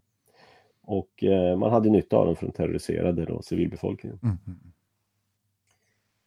Eh, och ja, men, ja det, Men, men det finns känns ju att det är det som pågår här i Sverige också. Jo, precis. Men, men då, som man vanligt då brukar fråga sig, tror du, det går ju liksom inte att svara på, men tror du att de i Sovjet, eller nu för den delen, på riktigt tror på att de här människorna är offer? Eller sa man bara det för att kunna släppa ut de här som vargar bland fåren? Eh, på den tiden så tror jag att man nog visste vad man gjorde. Mm. I vår tid så tror jag att de flesta, det, jag brukar ta upp det här, en dumhet eller ondska. Ja. På den tiden var det nog ondska. I vår tid är det nog hos de flesta dumhet. Även om jag tror att det nog finns folk som vet vad som pågår. Ja, vi kan ju tycka att det är helt sinnes, men jag, jag har ganska lätt att, jag vet inte om det är min rödingbakgrund, jag har ganska lätt att sätta mig in i hur de tänker. Det jag tycker ändå det är såklart fruktansvärt och den här nästan omänskliga bristen på empati för offren. Att de inte verkar förstå att bakom varje, bara ett bara, eh, inom citationstecken, ett personrån, det är det en ung pojke som får tryggheten, tryggheten och sin, sin värdighet ifråntagen sig. Mm. Och hur synd det än är om de här afghanerna som gör det, och jag menar, många av de här är det, om vi nu ska tänka på sånt, ja, på, man kan säga att det är synd om dem. Många är sexuellt utnyttjade redan sedan de är små, och liksom de har gått på opium och de har så kallat flytt genom hela världen och sådär, men det är liksom inte våra problem. Våra problem är att de kommer hit och ger sig på våra unga pojkar. Det är bara det vi ska fokusera på. Och jag menar, om vi kunde lösa allt sånt, då kanske vi kan tänka på de här så kallade offren då, som egentligen är rånare. Men nu är det ju bara fokus på det hela tiden. Precis. När man hade en amnesti där man helt enkelt eh, släppte ut folk 1953. Mm, mm. Voros- Voroshilov-amnestin. Just det. Och vad hände då? Ja, det var ju då hela samhället liksom överflödades av, av kriminella. Mm. Ja, det finns så många citat man kan dra i den här. Jag vet inte om jag ska ta något. Jo, men det tycker jag. Till exempel står det så här. I den konsekventa kampen mot människans självständighet tog man först ifrån henne en vän, hästen, och lovade en traktor istället. Som om hästen bara vore en plogdragare och inte en levande vän i nöd och lust, en familjemedlem, en del av ens själ. Snart nog blev det angeläget att också förfölja hundarna. De registrerades och skickades till rackaren, men oftast var det specialkommandon från de lokala sovjeterna som sköt varenda hund som påträffades. Skälen var inte hygieniska eller gnidigt ekonomiska. Motiven var djupare än så. Hunden lyssnar inte på radio och läser inte tidningar. Den är en medborgare utanför statens kontroll. Fysiskt stark dessutom. Fast styrkan inte kommer staten till godo utan skyddar hans husse som person. Oberoende av vilken resolution om honom som finns i lokalsovjeten eller vad slags order man kommer med till honom nattetid. 1960 föreslogs medborgarna i Bulgarien att uppföda grisar istället för hundar. Det var faktiskt inget skämt. Grisarna saknar principer. De låter ju fläsket växa åt varje knivinnehavare. Mm. Eller den här. Ska ta den här. Eh, I brottsbalken UK 1926 finns det en utomordentligt absurd artikel 139 om nödvärn. Enligt denna har man rätt att dra sin kniv först sedan förbrytaren höjt sin. Den får inte stickas in i honom förrän han har stuckit in sin. Annars blir det du som döms. Ja. Denna rädsla för nödvärnsexcess leder till total försvagning av nationalkaraktären. En buse började misshandla Röda armésoldaten Alexander Sakharov utanför klubbhuset. Sakharov drog fram en pennkniv och dödade busen. Han dömdes till tio år, som om det gällde mord. Men vad skulle jag ta mig till? undrade han häpet. Åklagaren svarade, ni skulle ha flytt. Jag känner mig naiv nu Klaus.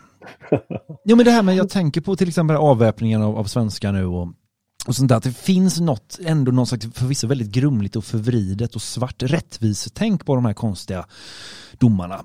Där någon skjuter en inbrottstjuv liksom och åker in, eh, kanske för livstidsfängelse, för att han borde skjutit lite längre ner, han borde skjutit i luften först. Jag tänker ändå någonstans att de, de försöker upprätthålla, igen, förvisso förvriden godhet, men det kanske inte är så Klaus. Det kanske bara är ondska, det kanske bara är vi ska ta friheten ifrån medborgarna. Sen hittar vi på lite olika orsaker till det. Det är lite grann så här också, ju, ju längre från en eh, statsmakt kommer folket Mm. och eh, rätten avviker från den allmänna rättskänslan, Mm, mm, mm. desto mer blir ju folket fiende till statsmakten. Precis. Och desto mer måste ju folket avväpnas Mm. för att inte hota statsmakten. Men det, ja, och det är också bra då. Vi ska ju vara positiva här idag. Och jag menar, alltid, ju, ju mer folk slutar lita på makten givetvis, desto bättre är det. Då kan vi, kan vi tänka på varandra istället för staten som, som typ alltid vill oss illa och vill ta våra pengar, vill ta våra friheter, vill ta våra barn. Och kanske snart då vill ta våra hundar. Det inte förvåna mig Klaus, om vi har det här, om inte allt för långt in i framtiden. Börja med förbud då för det man kallar kamphundar. Sen kanske du måste ha licens för att ha hund. Sen eh, är det väldigt stränga regler. Liksom om din hund skäller för mycket så kommer vi att ta den. Och sakta, sakta vänjer oss vid detta. Mm, Men jag tycker att eh, Ja, men jag tycker det här, det här kapitlet är väl värt att läsa. Nu kanske vi länkar till det. Mm. Eh, vi gjorde också ett, eh, ett särskilt poddavsnitt om det här där vi gick igenom och diskuterade det här och liksom tog upp likheten med Mm, dagen i Sverige. Jag tycker att slutet på den här är, är fantastisk. Eh, för man fick ordning på de här busarna sen då. Okej. Men nej, säger han. Det var inte omuppfostran som bröt ryggen av Blattnoj-världen. Han kallar dem för Blattnie, eh, de här yrkeskriminella. Ah. Eh, det är... Ja, vad det betyder, men det, det, jag tror vi förklarar det här också. Man kan också, det finns mycket att läsa om den här ryska maffian, den ryska organiserade brottsligheten. Mm. Eh, mycket av den var inte ens rysk, men det kan man läsa om själv. Eh, det var inte omuppfostran som blev, bröt ryggen av Blattnoj i världen. Omuppfostran hjälpte dem att återvända till nya rån tidigare. Nej, orsaken var att Stalin på 50-talet plötsligt viftade med kalla handen åt teorin om klasskampen och de socialt närstående och gav order om att Blattner skulle skyfflas in i isoleringsfängelserna och ensamcellerna. Att man rent av skulle bygga nya fängelser åt dem. Tjuvarna kallade dem för krytki. I dessa krytki, eller slutna anstalter, förtvinade de kriminella snabbt, blev sjuka och dödsmärkta. Ty en parasit kan inte leva isolerad. Den måste leva på någon, i någon. Just det. Mm, det är så man gör. Det är bara att följa Stalins exempel. Ja, för en, för en gångs skull. För en gångs skull. Ehm, du, innan vi avslutar Klaus eh, vill jag bara komma med ett citat här. Va? Där man bränner böcker bränner man snart människor. Ha? Checkmate, vad du säger nu? Ja, och där man inte bränner böcker, där bränner man också människor. Ja, och jag vet inte den här liknelsen, det har ju då såklart att göra med dessa bokbål eh, som man då hade under 30-talets Tyskland där man, eh, som folk verkar tro att man eldade upp lite allt möjligt. Det var ju, eh, som man ansåg då, väldigt skadlig. Litteratur, mycket pornografi och sådana här saker. Och I Sverige bränns det ju med glädje böcker, kanske inte bokstavligen men internet bränner man ju bort saker hela tiden som man inte tycker passar in. Eh, Och det är ju såklart inga problem. Man får ju bränna det man tycker är ont och då får man bränna mycket böcker som helst. Och eh, varför pratar om detta är såklart Paludan, eh, den danske politikern från Stram kurs som försökte ta sig till Sverige. Kom inte in. Nu har han kommit in ändå vet jag för han hade dubbelt medborgarskap så han har tagit sig till Sverige. Jag vet inte om han är här nu eller hur han har tänkt sig. Men det blev ju som sagt lite upprört Ja, i han har fått sitt Rosengård. medborgarskap, eller? Han har dubbelt, jag försöker läsa danska här nämligen. Han, han, nej, han firar, jag firar mitt kommande svenska pass med frukost på Ikea. Okej, dubbelt medborgarskap har sin fördel. Så, så kan svensk muslimpolitik inte hålla mig borta, tror jag det står. Jag missförstod nog om man har ansökt om dubbelt medborgarskap. Det kanske är så det är. Eh, Men hur som helst, ehm, det var ju någon som lyckades Det ställa upp verkar, verkar vara på gång i alla fall. Ja, Det precis. precis. Jag kan skicka eh, länkarna till dig. Eh, men det var ju någon som eldade upp en koran ändå i Rosengård och det blev ju minst sagt livat. Och, jag och många andra har ju rynkat på näsan lite grann åt sånt här, sådana här brutala metoder som att elda upp böcker. Vad är Klaus tagning på detta? Nej, jag, alltså, man säger så här. För det första principen att elda upp en bok. Är det fel? Jag menar, om du har en bok i sodomistisk eh, pedofili. Mm. Är det fel att elda upp den? Nej, nej, såklart inte. Nej, tycker jag inte. Är det din bok? Böcker har inga rättigheter. Jag får elda upp vilka böcker jag vill. Mm. Eh, En gammal telefonkatalog. Eh, En gammal eh, eh, biografi, självbiografi från Fredrik Reinfeldt. Ja, ja, visst. Skulle jag inte få elda det?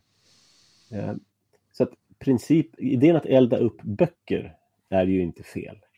Eh, vad som kan vara obehagligt är om du samlar in alla böcker av en viss sort för att totalt utradera dem. Mm. Ehm, det kan ju vara lite betänkligt. Men det är inte fel att elda en bok. Varför skulle det vara fel? Det, det, det, är, en, det är en pryl. Ja. Den, den har inga rättigheter. Men i det här fallet så är det också inte bokbränningen i sig som är frågan utan det handlar om att visa för den sovande svennebananen att det här är inget folk som är fredligt, integrerat, eh, som blir som vi. Det handlar om att visa. Deras svaghet är att de är lätt provocerade. Ja. Så alla typer av provokationer eh, som gör att de visar sin sanna natur är ju önskvärda. Mm. Och det här är bara en sån. Det finns ju flera saker. Men eh, det här, det här är bara en sån sak. Ja, det, jag har hållit mig skeptisk. Det, är ingen, det är ingen grov metod. Det är, jag tycker det är en ganska sofistikerad metod. Mm. Det kanske är, jag har väldigt svårt att bestämma mig här för jag tänkte ju länge liksom att de som är på vår sida, vi, de, vi vet redan hur muslimer reagerar och de som inte är på vår sida som inte har fattat kommer typ tycka att nej men de eldar upp deras heliga bok, det är klart de blir väldigt kränkta. Men jag kanske har fel där, det kanske finns en tredje grupp som har fått för sig att muslimer kan integreras och blir väldigt bryskt påminda här om att om du eldar upp lite papper eh, så kommer de tända eld på hundratals bilar och kravalla mot polisen i typ dagar. Ja, det är det som man hoppas. Mm. Uh, men hur skulle du känt om man, uh, om jag, om jag, varför jag nu skulle göra det, eldade upp din heliga bok? Kolla här nu Klaus, nu får du. Hur skulle du reagera då? Jag skulle inte bry mig det minsta. Nej, um, det blir, och det blir en, en sorts, jag vet inte om jag vet inte om du vet det heller, eller om någon vet det, om muslimernas reaktion på detta är att om de uppfattar alltså Koranen faktiskt som helig eller om de bara blir förbannade över, uh, alltså mer mänskligt förbannade över att det är inte respekt Vet du något om det? Du ska respektera min bok. Jag vet du vad? Jag har ju skrivit om detta kom jag på nu. Någonting fick jag med mig från universitetet. Ehm, jag skrev om faktiskt om Koranen, att man har hittat äldre versioner av Koranen som motsäger mycket av det här nya. Och ett problem där var nämligen att du får aldrig någonsin förstöra en koran på något sätt. Så därför hade de problem för när de, äh, shit det här kan vi inte visa upp för någon och vi kan inte förstöra det så de var tvungna att begrava det istället. Så det kanske kan ha med det att göra. Jag vet inte. Nej, jag tror att det bara är för att den anses vara helig. Ja, och jag menar. Jag tror inte, jag tror inte muslimer i gemen vet om att det finns massa olika versioner och sådär. Så att, eh, jag tror inte det är det som är problemet. Nej, och, och jag menar många av de här muslimerna är såklart inte alls religiösa som vi tänker utan för dem är det mycket mer en, kultur, en kulturgrej. Och såklart, ja vi kan kravalla. Svennen, är en svenne, om vi har gjort något dumt, nu är vi oss ut och tänder eld på saker för att vi gillar det. Nej, jag tycker att det är ett eh, sofistikerat sätt att eh, att eh, få dem att avslöja sig helt enkelt. Ja, och modigt är det ju hur som helst. Vi ska se, jag har haft lite kontakt med Palle Uda, man kanske kunde få med. Han har varit med ikväll med Svegot, det får ni kolla på YouTube. Man kanske skulle ha med honom eh, lite här också i uh, Sverige vaknar. Vad skulle du vilja fråga honom i så fall, Klaus? Uh, när kommer han nästa gång? Ja, precis, precis. Vi kanske skulle köra vi tre. Det kunde vara en väldigt trevlig eh, torsdag faktiskt. Um, men du Klaus, tiden är över som vanligt. Mm. Ja, tiden går, inte så konstigt. Eh, tack så jättemycket. Jag länkar såklart det Klaus har eh, pratat om. Lyssna såklart på Mises. Nej, vet du vad Klaus? Du är så dålig på detta så du ska få öva på att göra reklam för dig själv. Lyssna på Radio Mises, vår excellenta podd. Läs vår hemsida mises.se som är ny och uppgraderad sedan igår. Um, där finns det mycket vettigt att lära sig om ekonomi, om frihet, om eh, staten och eh, politik. Även eh, lite strategi, hur vi ser på framtiden och vad man kan göra. Avslutningsvis Klaus, skall man byta lite frihet mot lite trygghet? Det bytet ska man göra inom familjen eller inom, inom sitt lokalsamhälle. Inte till staten. Nej. För staten vill dig eh, typ bara illa. Eh, Klaus min vän, tack för idag. Vi hörs om en vecka. Det.